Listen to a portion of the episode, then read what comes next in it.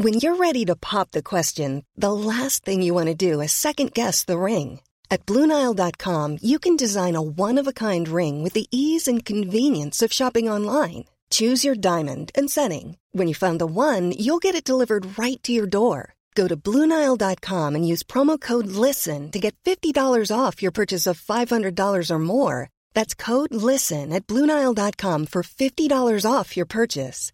Bluenile.com code LISTEN. Everyone knows therapy is great for solving problems, but getting therapy has its own problems too, like finding the right therapist, fitting into their schedule, and of course, the cost. Well, BetterHelp can solve those problems. It's totally online and built around your schedule. It's surprisingly affordable too. Connect with a credentialed therapist by phone, video, or online chat, all from the comfort of your home.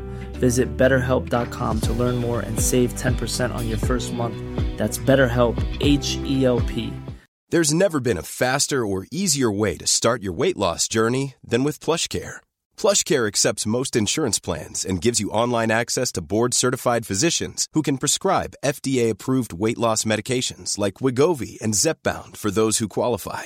Take charge of your health and speak with a board-certified physician about a weight loss plan that's right for you. Get started today at plushcare.com slash weight loss. That's plushcare.com slash weight loss. plushcare.com slash weightloss. Her er liksom juniorsjåføren, og så bytter han kartleser like ofte som vi bytter sokker, og så er det liksom Det, det ser uproft ut, og det det var, det var, ikke noen ideell situasjon i det hele tatt. Verken å putte meg inn eller en, en, en midlertidig stepp inn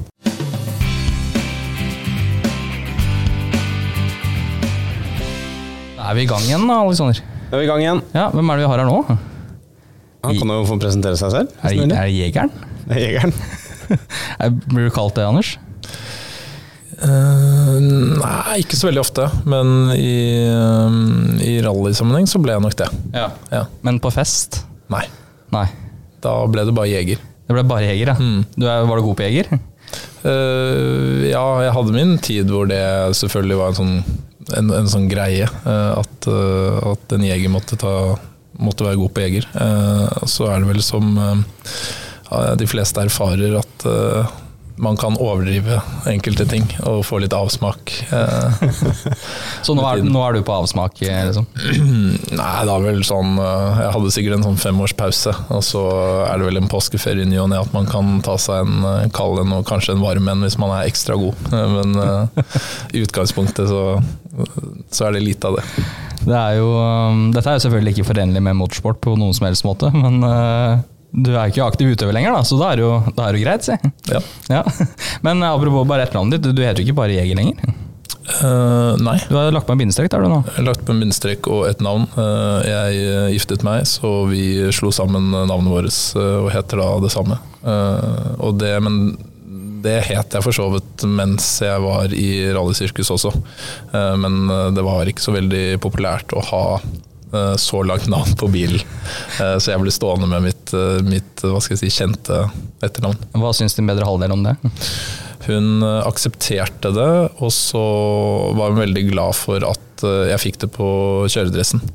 Ja, Så jeg fikk det for, ja. Jeg som journalist ble veldig usikker på hvordan jeg skulle titulere deg. Jeg tror jeg ba, nei, jeg tror jeg var flink, jeg, og faktisk brukte i Amland. Jeg lurer på om jeg faktisk gjorde det, men Det litt, sli, litt slitsomt å forholde seg til som journalist. Det forstår jeg. Eh, det forstår jeg. Men jeg var vant med at eh, folk brukte eh, Brukte kun jeger. Ja, Ja. Så det var ikke noe Jeg ble ikke fornærmet. Nei. Men jeg hadde nok rettet på deg hvis du kun hadde brukt Ameland. Ja, For da hadde jeg ikke helt kjent meg igjen sånn med det alene. nei. Du Alexander, du har klart å vinne den kampen her ganske greit, har du ikke det? Det var- Det er vel ikke noe kamp, vil jeg ikke si. Det høres nesten sånn ut som det er en liten Det kan være det. Ja, det- ja, det kan det helt sikkert. Ja. Eh, Det bare blei sånn. Ja. Eh, Jeg har jo foreslått nytt etternavn til Simen, men det er, jo ingen som får Hun heter jo Brattås, og han heter Nesshagen, så jeg har foreslått Brattnes. Men det er det ikke noe gøy for. Men eh, Nei, det er ikke det. Det er moro for alle andre, kanskje. Det er det. Eh, Det er i hvert fall kort nok da, til å ha på en bil, når du kunne bruke argumentet med at landet er for langt. Mm. Da lurer jeg på, har vår thailandske venn i, i GT-racing, vet du, Intra Puvasak ja. Ja, noen thailendere de har jo lange etternavn. Det tar seg dårlig ut på, på bil. Så det er artig at det liksom i, i Volkswagen og Hyundai Eller var det kanskje Hyundai, da, når du gifta deg. Uh, ja. ja. At uh, Nei, det er ikke plass. Enkelt og greit. Ja, jeg, jeg kunne sikkert tvunget det fram, men eh, jeg kjente at det, jeg, hadde ikke noe, jeg hadde ikke noe behov for det. Det var, det var greit. Hvor mye har en kartleser han skulle sagt i ikke, altså En ting er den navneprosessen, da. nå tenker jeg som generelt i, i et team i, i rally sånn. Uh, jeg tror den- de, de kan nok lage litt faenskap hvis de vil det. Uh, hvor mye vi skulle ha sagt eh, Om enkelte ting så har vi mye, fordi det er vi som har peiling, for å si det rett ut. Eh, sjåføren har eh, mm, Sjåføren tar stilling til eh, har sine oppgaver, og en kartleser har også sine oppgaver. Så vi har absolutt en del vi skulle ha sagt, men det kommer helt an på hva det snakkes om. Når, du, når du sier en kartleser har oppga sine oppgaver, for uinnvidde, kan du gi en kjapp oppsummering av en arbeids, arbeidsoppgavene til en kartleser? Fordi utenifra så kan det se ut som jobben er å lese noter, og for de som følger litt mer med, det med tidsbok. Men utover det så, så kan det virke til at det er jobben. Men eh, det er jo langt mer enn det. Ja, øhm, Svar på spørsmålet er nei. Jeg kan ikke si dem øh, Eller jeg kan ikke forklare det på en veldig rask måte, fordi det er veldig mye. Jeg tror ikke engang man kommer på alt. øh, og jeg kan begynne å ramse opp, men øh, så alle kan forstå, så er kartleseryrket nesten et foreldreyrke for føreren sin, på sett og vis. Man snakker om ekteskap, men her er det mer far-sønn, altså. Uh, ja, det er sånn weird kombo, kanskje.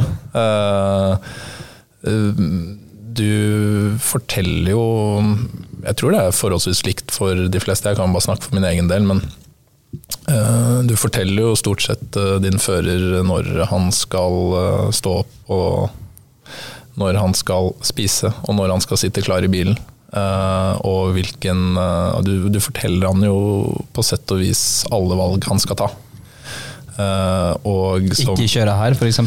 ikke kjøre her. Ja. Um, ja, Da er det bedre å si heller hvor han skal kjøre, uh, enn hvor han ikke skal kjøre. Uh, men som Alexander er inne på, så er um, konkurranseaspektet er som, som folk ser, er jo i bilen med hjelm på hodet. Hvor vi skal levere et stykke noter til riktig tid og timing.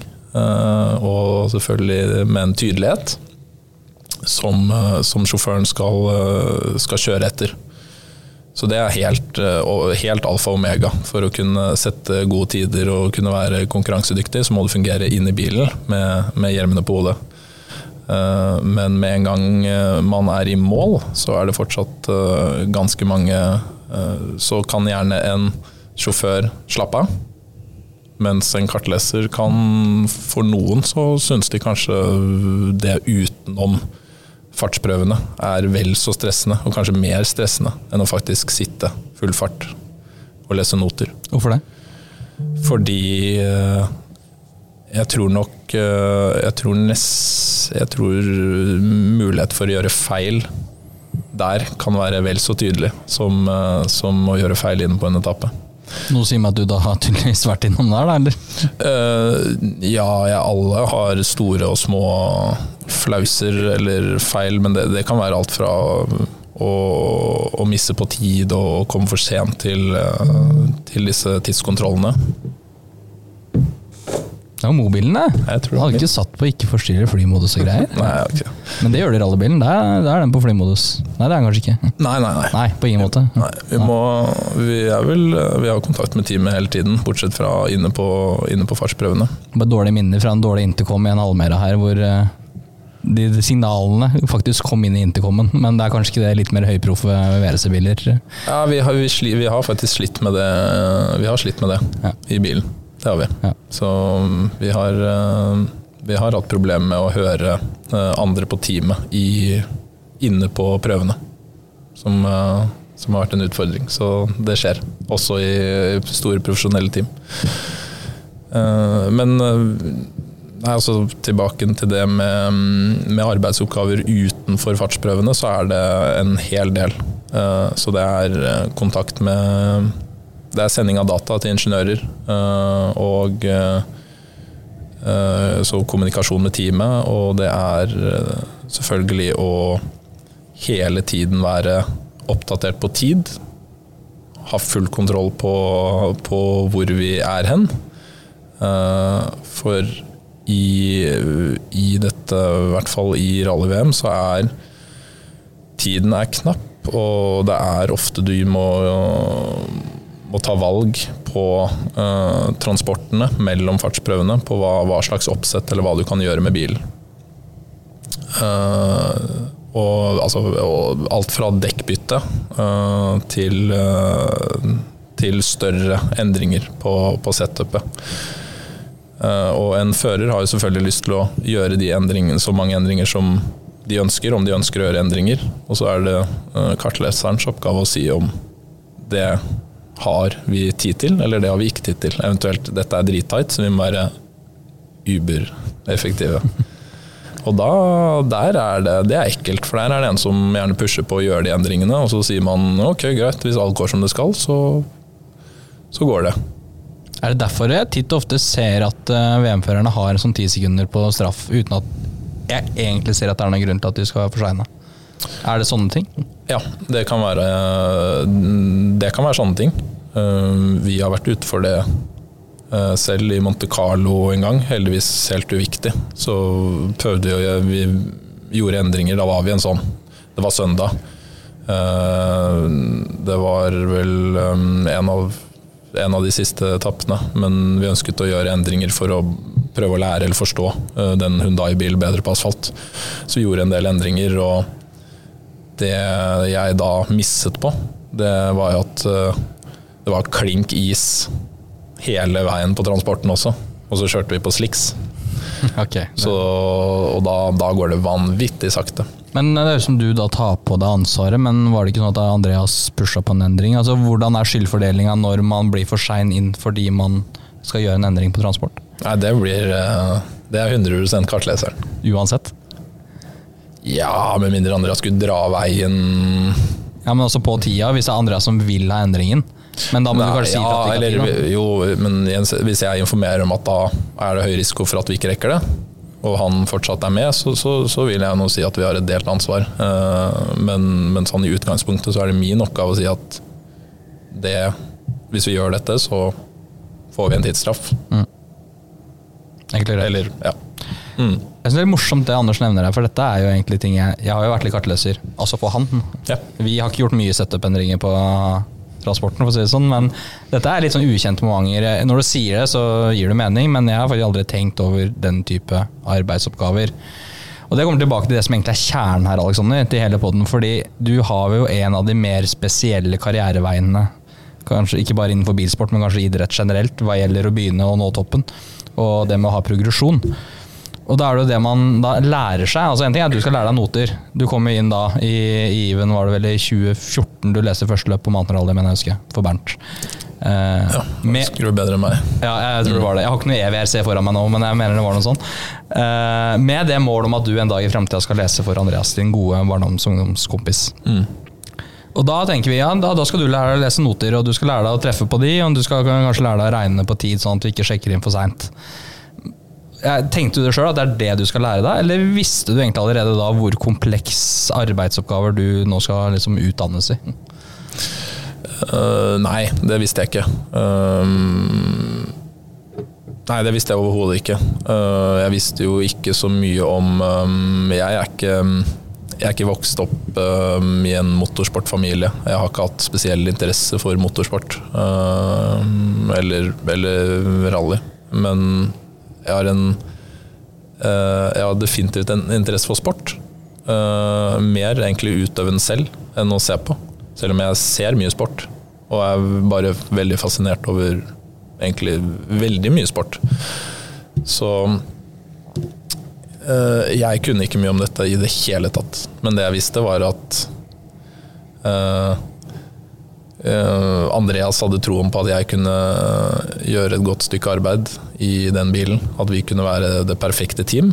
Eh, da følte jeg at eh, jeg tror selv at jeg har de kvalitetene som skal til for å, for å lære meg det. Jeg måtte i hvert fall gi det et forsøk. Så sånn lang historie kort, så, så ble jeg jo enig med meg selv at her eh, må jeg gjøre et forsøk, og så må jeg se om vi greier å nå gjennomføre den planen vi nå legger. eh, om at jeg skal bruke x antall tid. Jeg lurer på om det var eh, Jeg lurer på om det var to år, jeg. Og så skulle jeg sitte i VRC-bil. Så fra to år uten å egentlig vite hva en not er, eh, så sitte i VRC-bil eh, ved siden av Andreas. Det var målet. Eh, Og da startet det med Bernt, da.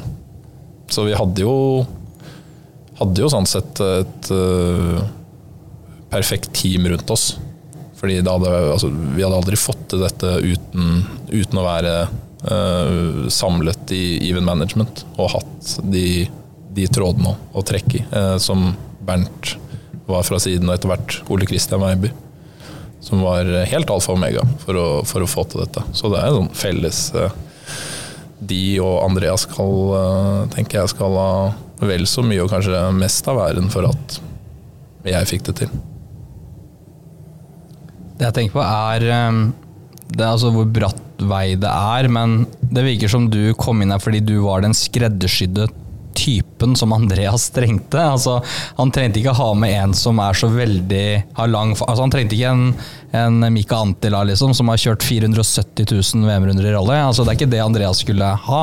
I hvert fall da Ola, sant, som er egentlig den kategorien da skulle ut. For at da han var på sine eldre dager, og Andreas trengte å ha med noen som man kan ha med over tid. Nå varte ikke det så lenge, så det skal jeg selvfølgelig innom, men, men eh, følte jeg at du altså, var det Andreas hadde ønske om å ha med deg pga. den typen du er? Eh, Fordi som sier, du har jo ikke noe bilsportinteresse i bånn, men at det var noe med at han trengte den, den personen i bilen? Han øh, utfordret jo rett og slett da kartleseryrket, uh, istedenfor å se i markedet hvem som kan, hvem som er kartlesere per i dag. eh, gjerne på hans morsmål norsk, eh, og eh, hvem som kan faget. Så prøvde han da Så tenkte han at hva hvis jeg finner den beste personligheten?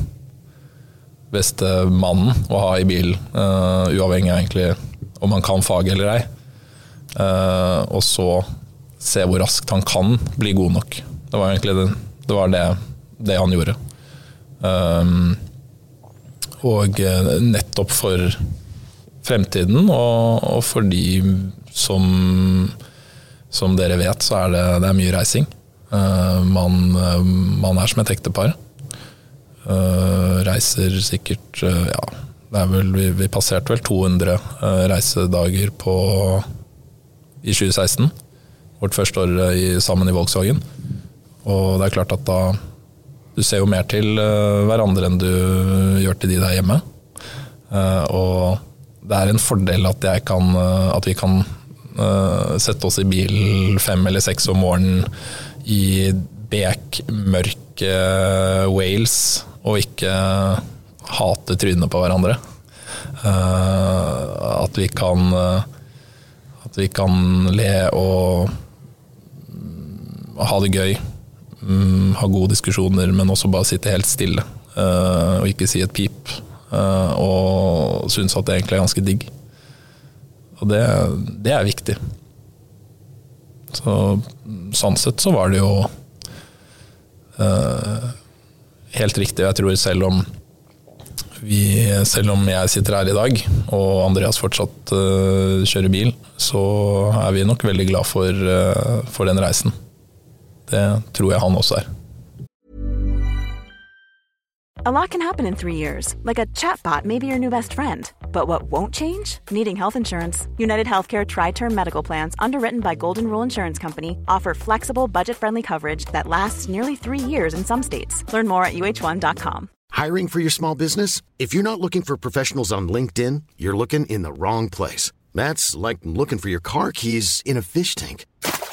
LinkedIn helps you hire professionals you can't find anywhere else, even those who aren't actively searching for a new job but might be open to the perfect role. In a given month, over 70% of LinkedIn users don't even visit other leading job sites. So start looking in the right place. With LinkedIn, you can hire professionals like a professional. Post your free job on linkedin.com slash people today.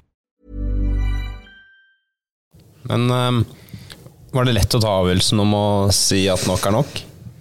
Um, både ja og nei. Eh, nei, fordi jeg følte definitivt at uh, vi hadde noe uoppgjort i VRC. Um, Nei-et kom uh, Nå må jeg tenke. Um, tiden flyr. Det må ha vært i slutten av 2020. Kjørte, kjørte Monza 2020 i hvert fall. Det siste. Sist, siste året i Hyundai var 2019. Uh, vi fortsatte da um, uten kontrakt med Skoda. Eller uten kontrakt i WRC. eh, og eh, hadde da et såkalt eh, ventår i håp om at det kunne, kunne komme noe i 21. Og det hadde vi jo gjort et år tidligere. Etter Volkswagen trakk seg ut i slutten av 2016, så hadde vi jo et 2017-år som også startet med Skoda i WRC2. Um, og så ble det en sånn bounceback via Citroën og så til Hundai i slutten av, uh, av 2017.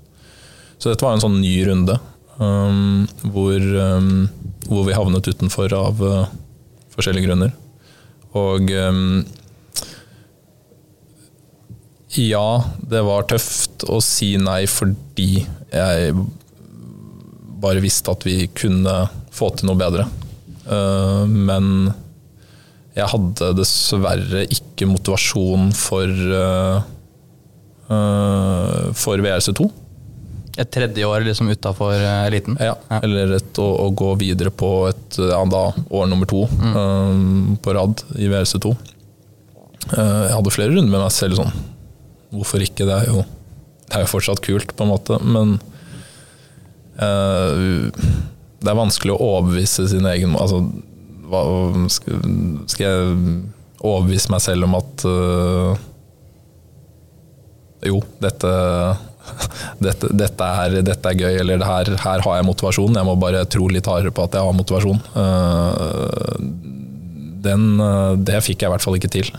Den, og det kjenner jeg også, det må være ganske ekte. Det må ligge der. Og skal jeg skal jeg reise rundt med Andreas og helt altså umotivert sitte i en bil og risikere Det er jo risiko i denne sporten her også. Hodet ditt skal være på rett sted. Og det er ikke, noe, det er ikke bra heller overfor Andreas hvis jeg sitter og egentlig hater hver eneste flytur ut fra Oslo. Og heller vil være et annet sted. Så sånn sett så var det ikke så vanskelig å gi seg på det punktet. Er det noen som sier at huet henger da ikke med? En ting er at du klarer sikkert å skjerpe deg og lese notene riktig, og sånne ting, men det er kanskje alt det du prater om innledningsvis her. da. Mm. Kanskje det blir mer krevende å gjøre, fordi du ikke klarer kanskje å holde fokuset like godt over et helt døgn, f.eks.? Jeg tror jo, eller sånn, jeg føler med ganske sånn sikkerhet at jeg hadde gjort samme jobb i bilen og under et løp. Men jeg tror ikke jeg hadde hatt uh, um, Jeg tror ikke jeg hadde hatt det helt bra med meg selv. Um, og um, det tror jeg nok Andreas også hadde merket uh, på på, på reisen, alt, alt, annet, altså utenom konkurranseaspektet. At uh, den uh, gløden hadde forsvunnet litt. og den tror jeg nok han også merket litt allerede underveis i, i, det året hvor vi satt og ventet og lurte på hva som skulle skje. Ola kom jo inn i noen løp underveis, og så var jo du tilbake igjen. Var det de første signalene om at du egentlig ikke ville det her, eller snakka du og Andreas allerede da om at du egentlig ikke var så motivert, eller var det sånn at det var én telefonsamtale til Andreas, og liksom nå har jeg ikke lyst til å være med lenger? Nei, det var slutten av 2020, var det ikke? Ja. Jo. Uh, det var fordi jeg skulle bli far. Stemmer. Enkelt og greit. Og nå er Andreas blitt far? Ja. Nå er Andreas blitt far. Ja, nå er det hans tur. Mm. Så nå får han kanskje kjenne litt på det framover òg. For det, det, spiller sikkert en rolle, det òg, selvfølgelig. At du har gifta deg, du har fått en datter. Um, de tingene her, det gjør kanskje noe med huet, altså motivasjonen, da, det òg, vil jeg tro. Så lenge du ikke er på, på toppnivå som dere egentlig, hvor dere egentlig skal være. Det tror jeg nok. Det er jo noen som sier at uh, det å bli far har aldri gjort deg raskere. Uh,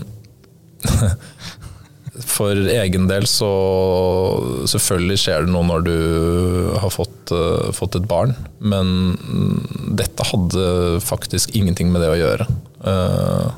og det det mener jeg. Vi, vi, visste jo om at Eller jeg visste om at jeg skulle bli far. Men, Ja, det håper jeg da. Eh, ja, nei, jeg gjorde det. Og, men dette handlet eh, rett og slett om, eh, om motivasjonen min. Sportslig. Den sportslige pakken for meg fant jeg rett, dessverre ikke motivasjonen i eh, å ta en videre del av. Eh, og så om hadde vi sittet i en VRC-bil i starten av 2021, så var jeg kommittert. Eh, og hadde motivasjon. Og da med tanke på barn og familieliv, så, så var det full enighet om det også hjemme at eh, da må man ta år for år.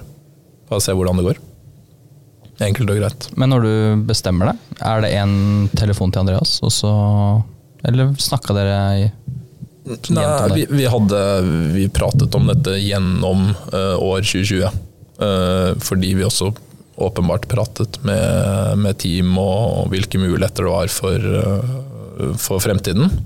Um, så det, det visste, altså Andreas ante visste at jeg ønsket altså Det gjorde jo han også.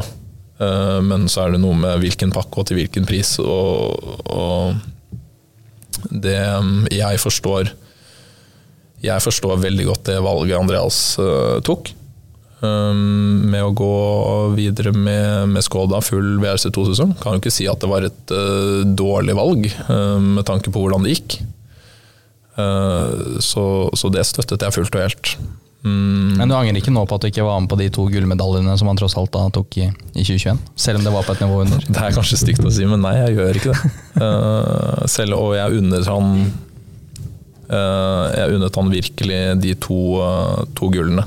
Og jeg håper av hele mitt hjerte at han kommer tilbake til, til VRC. Og jeg mener at han har noe der å gjøre. Og jeg tror også at han, han blir han blir bedre og klokere med årene også. Jeg tenker jo, Du kan si liksom at ja, det er stygt å si nei, men jeg tenker at det hadde vært det er verre om du faktisk hadde kjent på anger. For da er det det derre Da var det genuint, da. Da var det da går man fra det med, med, god samvittighet. Det er liksom deilig å kunne strekke, sette seg tilbake og se at ok, jeg gikk kanskje ikke like lenge som vi ønska, men vi er happy med det resultatet vi fikk, og avgjørelsen føles riktig. For det er jo dritkjipt å skulle sitte etterpå og se ah, Det var det der jeg ville, egentlig. Mm. Så, så, sånn sett så, så, høres det jo veldig, veldig genuint ut, da. Men um, tror du nå er, nå er, det jo mye rykter i paddock, uh, eller paddock heter det vel ikke i ja, og Serviceparken Paddock der. Eh, ja, Servicepark, ja, servicepark. Eh, med, med, Andreas tilbake i, i Hundai. Ja. Eh, vi vet uh, ikke så mye, men uh, har, du, har, du trua på ja, har, har, du trua på at et nytt forsøk vil bli mer vellykka, all den tid det, det er jo en grunn for at uh, Tanak nå bryter med Hundai, og det virker jo som at Det virker jo som at Hundai ikke liksom er helt der de ønsker at den var. Da. Det virker ganske likt som da dere kjørte der også. Mm. Um, jeg tror um, spørsmålet ditt uh, om, ja, om, Andreas har bedre sjanser nå. Uh, nå er jo bil Det er jo en ny bil, men jeg tror, jeg tror fortsatt at det ligger nok mye av det samme gamle i, i den nye bilen også. som er som favoriserer uh, Neville, førstesjåføren i Hundai, uh, sin kjørestil. Det kommer vel også uh, ganske tydelig fram fra, fra, Tanak, vil jeg tro. Uten at jeg har nilest alle intervjuer uh, gjennom denne sesongen. men vi vet jo dette, og vi hørte jo også de samme kommentarene fra Sebastian Løb da han kjørte bil. Så um, en forskjell jeg vet som, eh, som skjedde fra uh, den uh, Volkswagen Polo-bilen som Andreas og jeg startet sammen i, til de nye bilene, var Senterdiff. Som nå er tilbake til låst igjen. det var jo i hvert fall en av en av utfordringene vi hadde da vi kom inn litt sent da, i denne generasjonen rallybiler. At vi, vi brukte lang tid på å løse eh, eller finne en, en god balanse på, på, dette og hvordan jobbe med senterdiff. Um, sånn sett så tenker jeg at det er spennende for Andreas å komme tilbake til uh, bare skrote hele den senterdiffen. For det, nesten, det var jo nesten beste løsningen de hadde. Det var jo bare å låse hele driten og så bare kjøre på. Um, men altså, det er veldig vanskelig å svare på om han har uh, Jeg tror han har bedre sjanser nå i, i Hyundaien, men at, uh, å si at den er som uh, som kniv i varmt smør, det, det tror jeg ikke. Men du som kartleser, merka du bare på kjøring en enorm overgang fra Polo til, til I20, eller er det liksom Eller klart, vi merka på Andreas og Tiden selvfølgelig at det var annerledes, men mm. hvordan merker du som kartleser det, altså rent følelsesmessig? Uh, det merker du veldig godt, for du merker um, nå det er jo klart, vi, vi, hadde jo løp, eller det var underlag og, og løp hvor Hundaien var, var sterk og fungerte så å si optimalt. Eh, men når en sjåfør eh, ikke trives med bilen, så vil en kartleser merke det på f.eks. at han hyppigere ber om gjentagelse i noter, som ikke er så normalt. For han bruker veldig mye energi på bil, og ikke å, ikke å lytte. Eh, det er en utfordring. For i en, optimal, i en optimal verden så skal du egentlig bare sitte og du skal egentlig bare sitte og kose deg bak det rattet, fordi bilen gjør akkurat som du forventer. Eh, og så skal du bare sitte og, og lytte inn på min behagelige stemme eh, og godt leverte noter. Eh, men med en gang bil krangler, så, så, tar det fokuset vekk fra det å høre på noter. Og da blir, da blir det litt mer utfordrende med, med samspillet i, i bilen. Uh, og ellers sett så, men man merker det også på, på, på bremsing og, og, altså gasspåslag, når du merker at man bare Oi, man er jo altfor sen. Uh, fordi på, på gasspåslag f.eks. For eksempel, fordi bilen understyrer. Den vil ikke rundt, og da åpenbart så må man eller man må trekke i håndbrekket fordi, uh, fordi du ikke får, får bilen til å svinge inn som du ønsker. og det, det var jo noe jeg det var fascinerende i den Hundaien hvor mye det skulle være mulig å trekke et håndbrekk. Eh, det var, eh, det var, det var frustrerende å sitte på høyresiden og se en, eh, en hva skal jeg si, et verktøy blir brukt så mye. For det ble brukt altfor mye, både i fjerde og femte gir. Og det, det, hadde, det var ikke vi vant til i det hele tatt. Ja, for den poloen dere kjørte, den gikk jo bare dit du, dit du styrte? virka det sånn? Ja, eller Citroengen var jo nesten enda hva skal jeg si, verre. Den, den var litt for bakhjulsstyrt. Kanskje det som gjorde den god på asfalt også, i, i, den perioden. Ja, for slett, Dere sleit mye med understyring, spesielt på asfalt her, sant? I Hundai? Ja, det stemmer. Men um, hvis du ser på Neville sin kjørestil også, er jo den basert på, på gass og brekk mer enn det er gass og brems. Omtrent. Uh, og det, det, var ikke så vanlig med, med poloen. Han uh, likte mer å kjøre den som en uh, gjennom rattet. Mm. Hvordan påvirker det dynamikken i bilen mellom dere to når det går dårlig? Altså, det er jo sånn i alle team, liksom, når man merker at fører er frustrert. Og det vil jo, jeg vil anta at det påvirker forholdet i bilen òg? Ja, det blir jo det blir sånn, det blir sånn trykket stemning til tider. For du får ikke den responsen. Altså Enten så Enten så sitter du og kjenner at du krangler med bil, eller så ser du Du, du, du føler du Du føler kanskje du kjører opp mot maks da, av hva, uh, av hva bil kan.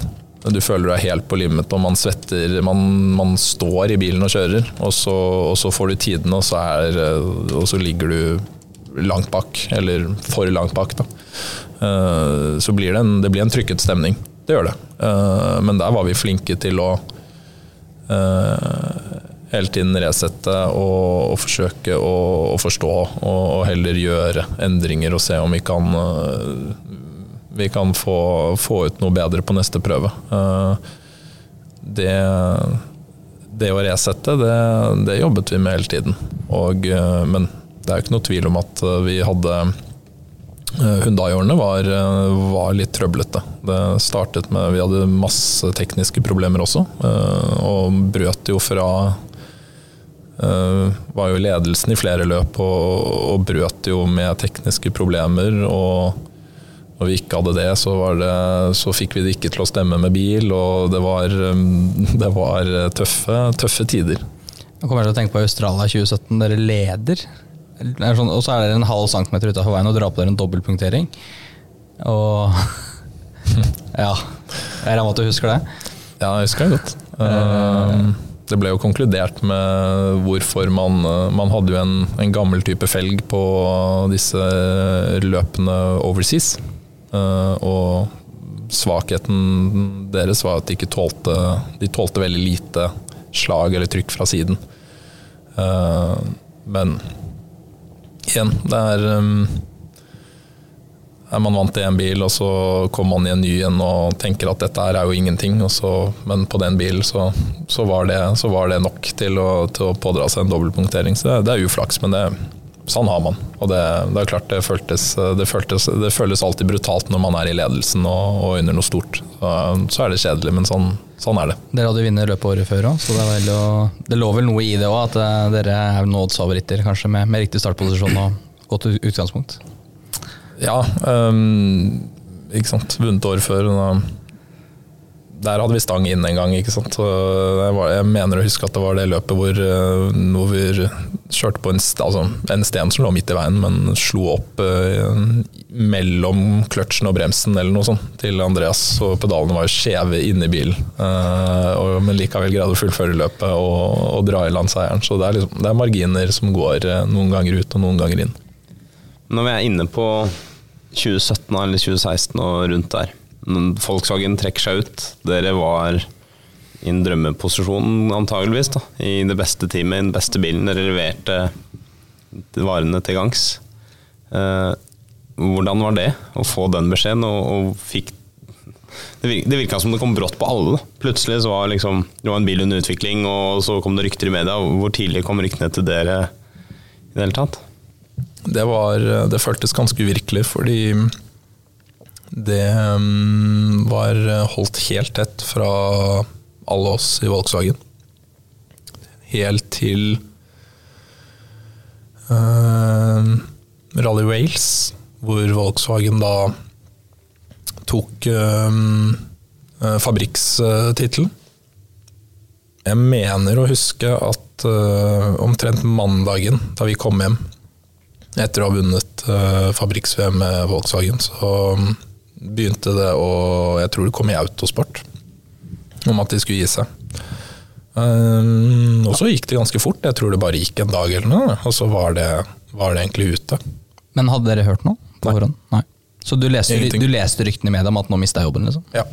ja. ja. Og så prøvde vi å ringe og fikk veldig lite svar fra Mitt inntrykk var at uh, ingen i Volkswagen Motorsport visste det. Men var det ikke en um, Var det ikke Andreas Seidel som var uh, Nei, jo. Det husker jeg ikke. Nei, uh, hva heter motorsportsjefen i Tenk på Jos Capito, eller? Jos Capito, Jos Capito ja. var vår sjef, ja. Og han ga seg vel litt før det her, så jeg husker jeg leste i Autosport at det var sånn den begynte å liksom ane noen ugler i mosen. Hvorfor går han som har den suksessen nå, litt plutselig bytter jobb, Volkswagen, og så begynte den ballen å rulle. Mm. Um, det vet i hvert fall ikke, ikke jeg noe om. Uh, han, han sto på sitt at han ikke visste. Um, og det er jo ikke unaturlig at folk um, i suksess også hopper videre til neste steg. Um, men det blir spekulasjon. Ja. Mm. Men det er ganske drøyt som sier at dere faktisk oppriktig ikke um, ante noen ting. Altså ikke en sånn feeling egentlig, og så leser du rykter i da det mest troverdige blekka bilsport som fins. Du veit at Autosport driver ikke med ljug. Uh, den bommer jo aldri på noe sånt. Så har jeg tenkt at den feelingen der, det er liksom i det beste du kan være i. Og, og jeg skjønte at dere begynte utvikling av ganske god 2017-bil også. Um, ja, ja, så det å liksom lese det der? Altså, hva, hva, hva, gjør du da? Ringer du Andreas og bare hva i helvete er det som skjer? Eller hva, hvordan mobiliserer du når du leser de ryktene der? Jeg tror vi var sammen egentlig på kontoret. tror vi forberedte oss til um, allerede var rett på forberedelser til Australia, som var siste løp. Um, nei, vi skjønte jo Vi tenkte jo først at det, det, det måtte jo vi ha hørt om, hvis det var noe hold i. Uh, men det tok jo ikke mange timene før man når ingen tar telefonen og det er ingen som, ingen som svarer på anropene dine, så skjønner man jo at det er noe som, uh, uh, noe som ikke stemmer. Så um, hadde, hvis vi hadde visst det, så hadde nok eh, folk eh, begynt å ordne seg kontrakter i andre team. Hadde de andre teamene visst det, så tror jeg ikke de hadde signert alle de hadde gjort heller. Fordi de sto jo plutselig med fører nummer én, to og ja, Nå husker jeg ikke hva Latvala ble det året. Jeg lurer på om han ble tre, faktisk. Om ikke fire. Nei, jeg tror det var Neville. Ja, det var kanskje Neville. Ja, da ble han fire eller fem. Da. Så han var jo litt bakpå det året. Der var han jo for så vidt. Nei, nei, nei dere ble nummer tre. Vi ble nummer tre, Ja. men de tre første Ja. uh, var Neville. Neville, ja. Eh, men hvor Latvala var, det husker jeg ikke i farta. Nei. Men, eh, så det tyder i hvert fall på at det var mange som ikke visste dette. her. Det var det ene CTM Sport da, som Selvfølgelig siste fire års verdensmester, han, han får jo den. Eh, Det var ikke så mye å konkurrere mot det, var det det? Ja, eller det, det settet lager de til han. Ja. Så at Auxier endte opp i uh, At Ja, han, han, han hadde vel endt opp i Toyota hvis han hadde likt bilen, men den dømte han jo nord og ned. Ja vel, ja. Ok, vi ser åssen det gikk etterpå. Så, men eh, du er jo en av få da, som har fått kjøre en bil som nå Den har ikke gått under jorda, men den er jo, det er en myteomspunnet bil blitt. Åssen var den Polo 2017-bilen? Som det er, som det er laga én av? Um, Den føltes bra. Den føltes ganske lik ut som, uh, som den andre poloen.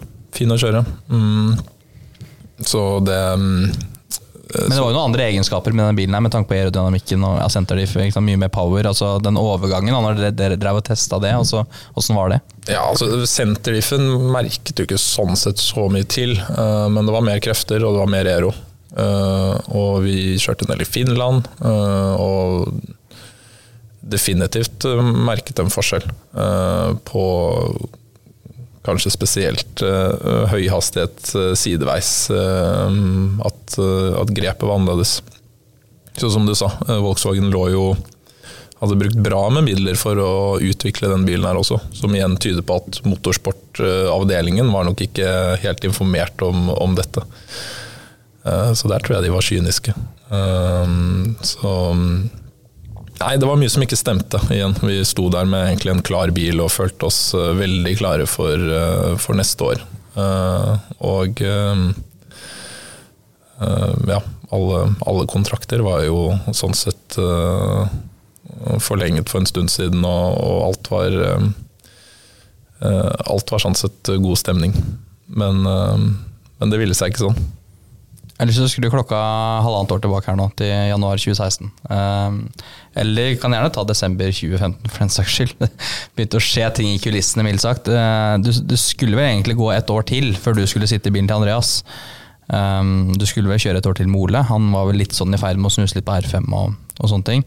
Så det var jo så din vei i utvikling, at du også fikk kjøre på lavere nivå der. Um, så stikker Ola, eh, og Mats eh, får han. eh, Og ja, det begynner å skje ting i kulissene, sånn. også internt mellom to rivaliserende nordmenn. Og du er jokeren her, liksom.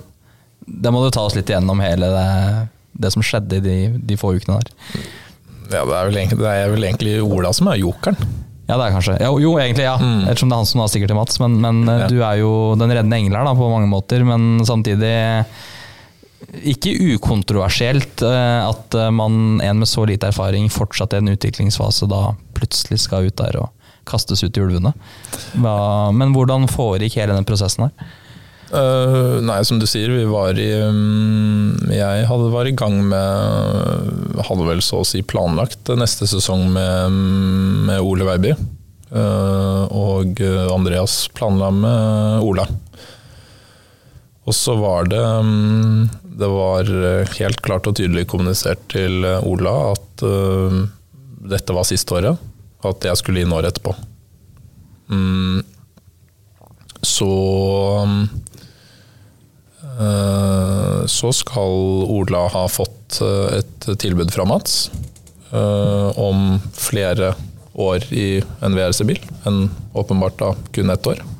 Og han så da muligheten til å, til å forlenge sin, sin karriere som kartleser i VRC. Så valget til Ola var ganske forståelig, sånn sett da, at han ville gripe Ja, den muligheten. jeg tenker det må jo, det må jo han stå for, og det, det føltes riktig for han, han der og da. Og han, han er jo en som virkelig elsker, elsker å sitte i den bilen. Og altså han, han, må få lov, han, han måtte få lov å ta det valget, selv om det var jo på mange måter ganske brutalt for Andreas og Iven at han skulle stå der i jeg tror det var midten av desember nærmest og, og si at jeg, jeg hopper, jeg gjør et bytte. Um, det førte til at vi, eller Andreas satt vel med to valg. Han kunne um, på en måte kaste meg inn i bilen, satse på at jeg var klar, eller finne en midlertidig løsning. Men da kommer jo uh, problemstillingen inn med uh, litt sånn hva er politikken i dette her, da. Hvordan ser dette ut for Volkswagen? Her er liksom juniorsjåføren, og så bytter han kartleser like ofte som vi bytter sokker, og så er det liksom Det, det ser uproft ut, og det det var, det var ikke noen ideell situasjon i det hele tatt. Verken å putte meg inn eller en, en, en midlertidig stepp inn. Nå vet du åssen det har gått etterpå, men var du, var du egentlig klar? Sånn egentlig? Jeg vet ikke. Det visste ikke de heller. Resultatet vil tale vel for seg, da. At du på en måte, om du ikke var klar, så ble du klar. Ja, eh, det gjør det. Nei, men eh, mangelvaren var jo tid i VRC-bil. Hvordan skulle du få tak i altså det, det, var ikke så lett å, det var ikke så lett å få tid i VRC-bil sammen med Andreas. Det var, eh, det var løp, og det var et, et testprogram, men i det testprogrammet så ønsket også Volkswagen at, at den faste kartleseren var med. Så det var kun utviklingstester som jeg kunne bli med på. Så jeg tror ikke jeg hadde Jeg kan ikke huske sånn Jeg kan ikke huske hvor mange tester jeg var på, men det var ikke mange i det hele tatt. Så i 2015 var ikke Du sanka ikke mye erfaring i VRC-bil på test? Uh, nei, overhodet ikke. Nei. Så, så klart det var jo uh, det, er, det er spesielt. Det var mange som eh, Det har jeg snakket med, med mange i Volkswagen uh, om også i ettertid, hvor mange protester det var. Jeg har skjønt at det var litt internt. intern At jeg skulle inn i den bilen. Skjønt at det var litt, ikke bare litt veldig delt internt i Volkswagen, om Ja. hvor lurt det her egentlig var. Ja, det var, det var galskap. Men det er klart, ser du på papiret, så her er det, det er to unge karer, og så kommer det inn en kompis som har kjørt uh, Hva hadde jeg? Jeg hadde kanskje hadde jeg 14 rallyløp totalt, hvor kanskje fire var i VM. Med, Med Ole? Det er som kartlesernes svar på Kimi Räikkönen. det var jo to, Ja, godt det var vel to det var vel, ja, Kanskje det var fire-fem VM-løp, da, men det var vel i en eh, DS3 det, det var jo en- R3T? Ja, det, sånn det, var, det var jo en sånn gnager. Ja. Uh, så det, det virket jo Og så skulle du starte i, i på en måte det Tussmørk i Monte Carlo. er- Verdens beste team i det, i det, meks, det mest komplekse løpet Rally Monte Carlo. Uh, så ja. Men Eh, det da å gå ut på SS1 i torsdagsmørten der Sett til tredje tid, da. Det er ikke gærent, det. Uh, Jeg regner med at det er sånn Altså, Det er ikke alle etapper du selvfølgelig husker lenger, for du har kjørt såpass mye, men jeg vil jo tro at det er en av sånne få etapper som liksom har brent seg litt fast der oppe. ja, og det som er litt gøy, er at den etappen husker jeg egentlig ikke. Jeg Ah. husker bare starten. Ok, såpass. Ja, Ja, fordi, du blacka litt ut nesten. Ja, jeg tror jeg var bare så fokusert at uh, den Jeg kan knapt huske den. Um, jeg husker veldig godt starten. Det er jo en starter i Entrevaux. Um, veldig sånn kul, eh, kul fjellby. Altså sånn skikkelig oppi en fjellskrent der. Um, starter med at vi skal, som vanlig så står man jo gjerne en eh, På asfalt så står man gjerne en to, tre, fire pluss kilometer fra start. For å få god tid eller god distanse til å varme, varme dekkene. Um, og Andrea sier at det er viktig at vi, er, eh, at vi ikke er der for tidlig. Så jeg sitter jo da og kalkulerer og tenker at uh, ja, den snitthastigheten der og opp de sikksakkveiene der, så ja, greit, da, da, kjører, vi, da kjører vi nå. Uh, og uh, Da er dere fullt påkledd og klare for etappa, eller? ja, ja, da, da, har man, da, har man gjort, da har man gjort det man skal, og, og hjelmen er på, og da dreier det seg egentlig bare om å om å bruke den tiden man har, på en måte, da, og prøve egentlig å komme på eh, komme på minuttet eh, på den eh, kontrollen. Så passerer vi da minuttet hvor vi har lov å sjekke inn, og jeg ser fortsatt at det er en liten stund igjen, og ber han om å, eller, ber han om å speede opp litt. og litt mer, og så til slutt så bare Nei, nå må du bare gi bånn pinne. Eh, og så gir han bånn pinne, og så leverer vi tidskortet hva er det, ti sekunder før eh, minuttet har gått ut. Og varmedekk, da, for start? Vi hadde, vi hadde altså, optimale varme på dekket, men uh, Andreas var litt søt og sa neste gang så kan vi godt, vi kan godt komme litt før. Trenger ikke å være så liksom han, han, han, var jo veldig sånn Det er veldig viktig at vi er spot on, da. Så det må være det må være rett før. Så du var fem til ti sekunder unna å gjøre en blemme med en gang i VRC? Uh, eh, ja. ja. Det, men fem til ti sekunder er et hav i rally, så det, det var greit. Ja. Men um, ja, videre så er det kjent sak. da er det jo stort sett tre minutter da, fra du sjekker inn til du starter. Uh, og da når du står på startstreken der, så sitter man jo og tenker at nå, nå tar han det sikkert litt piano sånn i starten, så vi får kjørt oss litt varme. Uh, men det, den tanken trakk seg fort når, når, måte, når du stod, sitter i den WRC-bilen der og du ser bare over en sånn, en sånn dump. Du går, veien går mellom to sånne fjell.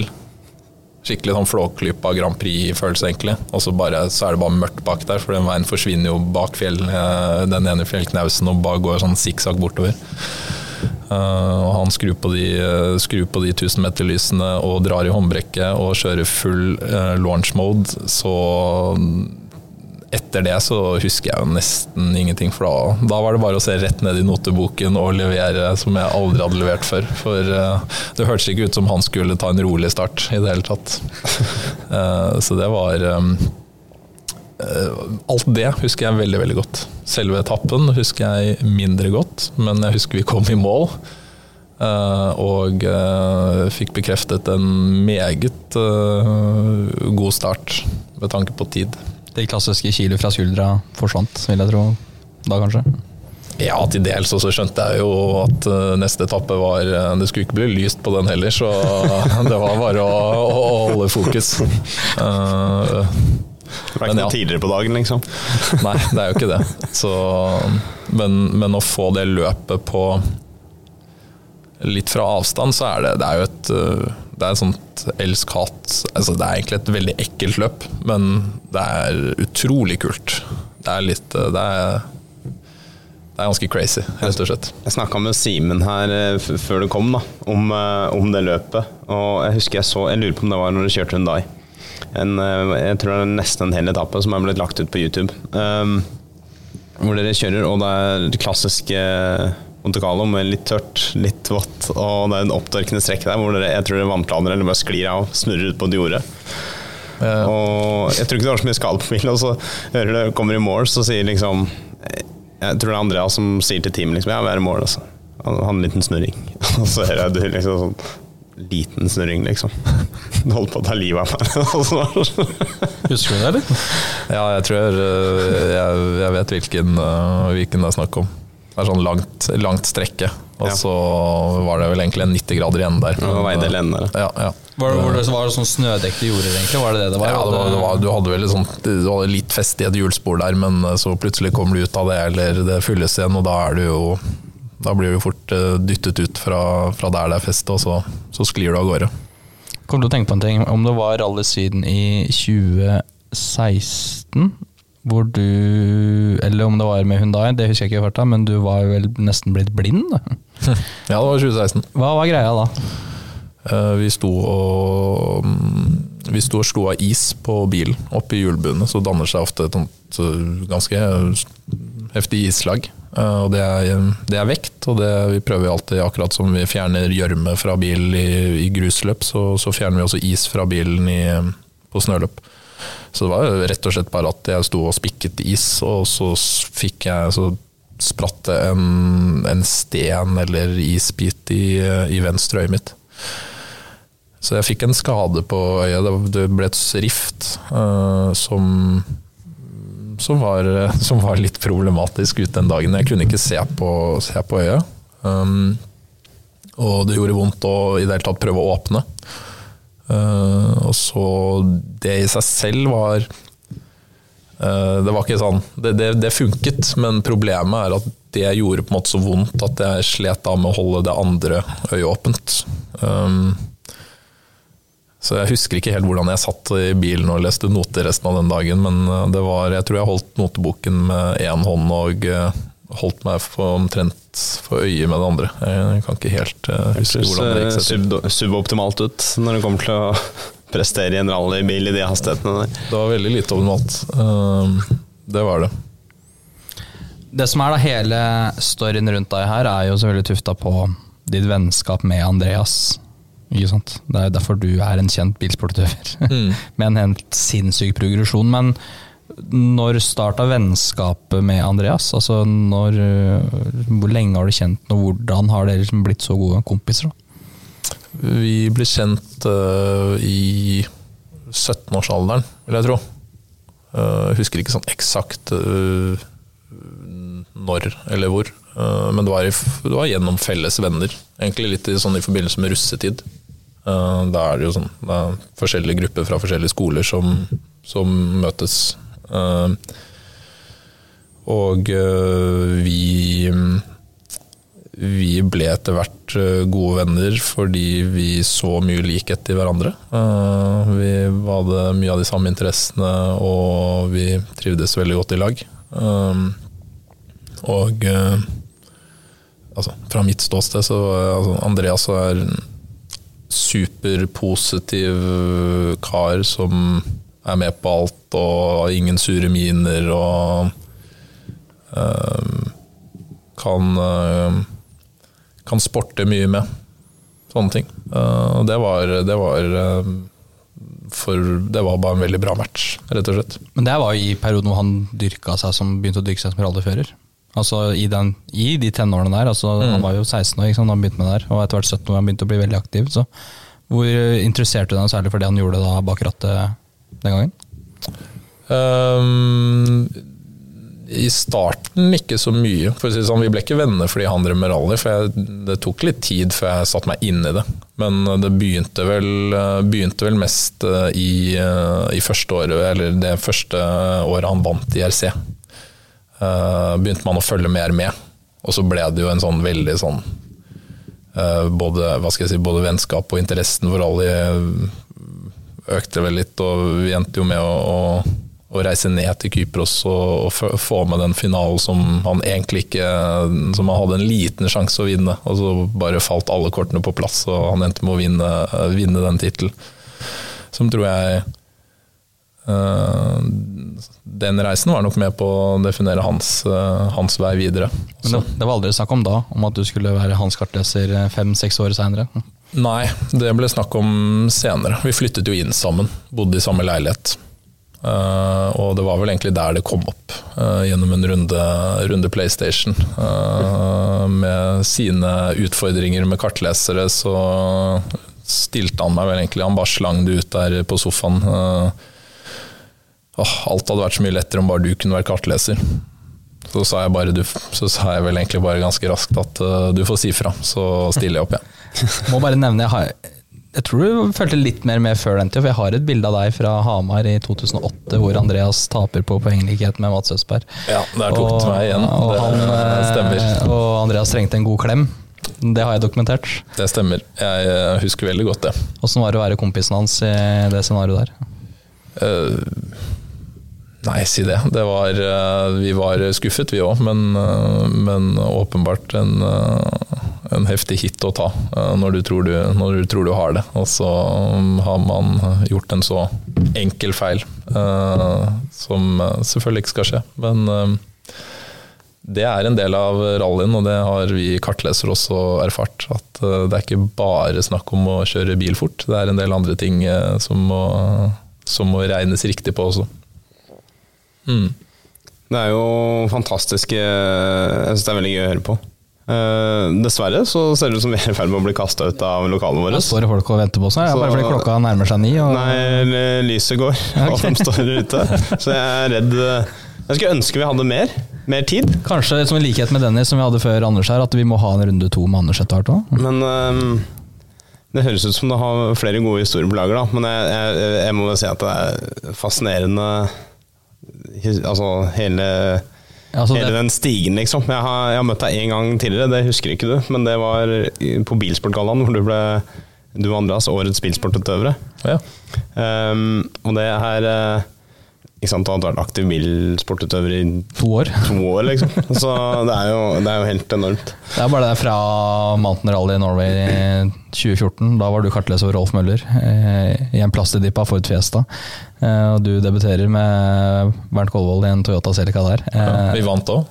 Gjorde det, vet du. Mm. Um, det er ganske sjuk Det var ikke reise. min fortjeneste, tror jeg. Nei, det var ikke det. Nei. Så, så Nei, det er, det er rått her. Eh, Det, spørsmål, det viktige spørsmålet nå, Alexander, hvis vi ikke skal ha Jeger mer med seinere, det er jo rett og slett Kommer du til å sitte i en rallybil igjen? Mm, det er et godt spørsmål. Gjelder begge setene. Nå Ja, minte du meg på en ja. Klarer vi å gå igjen denne episoden uten å snakke om Numedalsrally i 2018? Jeg tror vi må. Ja. Jeg tror, vi må unngå det. Får bli en annen gang. ja, vi må unngå det. det. Det kan vi spare til seinere, for det er en pod verdt i seg sjøl, egentlig. Men ja, uansett sete, Anders. Blir det noe mer rally på det? Jeg tror ikke det. Det er det jeg kan si.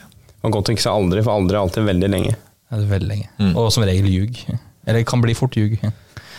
Vi, vi, vi må ha mer Med ved en annen anledning. Ja. Høre om uh, Numedalsrally. Høre om eh, alt som har skjedd bak kulissene i forskjellige løp som vi ikke har rekt å ta opp. For å si det sånn, Numedalsrally så- Numedalshallen 2018, tidenes bursdagsgave. Ja.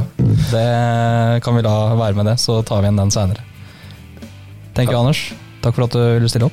Takk for at jeg fikk komme. Veldig hyggelig. Av med hjelmen er en podkast produsert av Park Fermé med Alexander Wiik og meg, Simen Næss Hagen. Har du spørsmål eller kommentarer, så er det bare å kontakte oss på amh.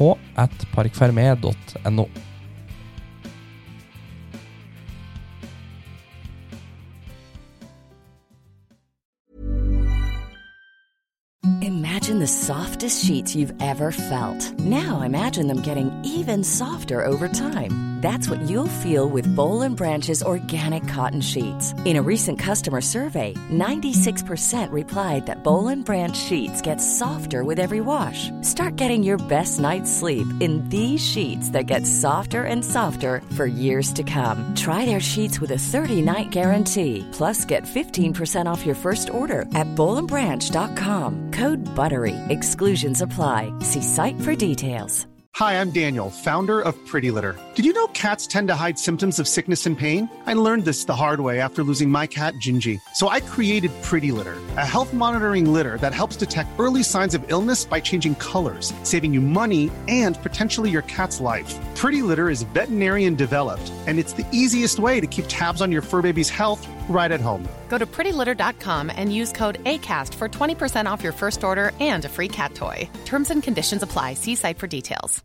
Mom deserves the best, and there's no better place to shop for Mother's Day than Whole Foods Market. They're your destination for unbeatable savings, from premium gifts to show-stopping flowers and irresistible desserts. Start by saving 33% with Prime on all body care and candles. Then get a 15-stem bunch of tulips for just $9.99 each with Prime. Round out Mom's menu with festive rosé, irresistible berry chantilly cake, and more special treats. Come celebrate Mother's Day at Whole Foods Market.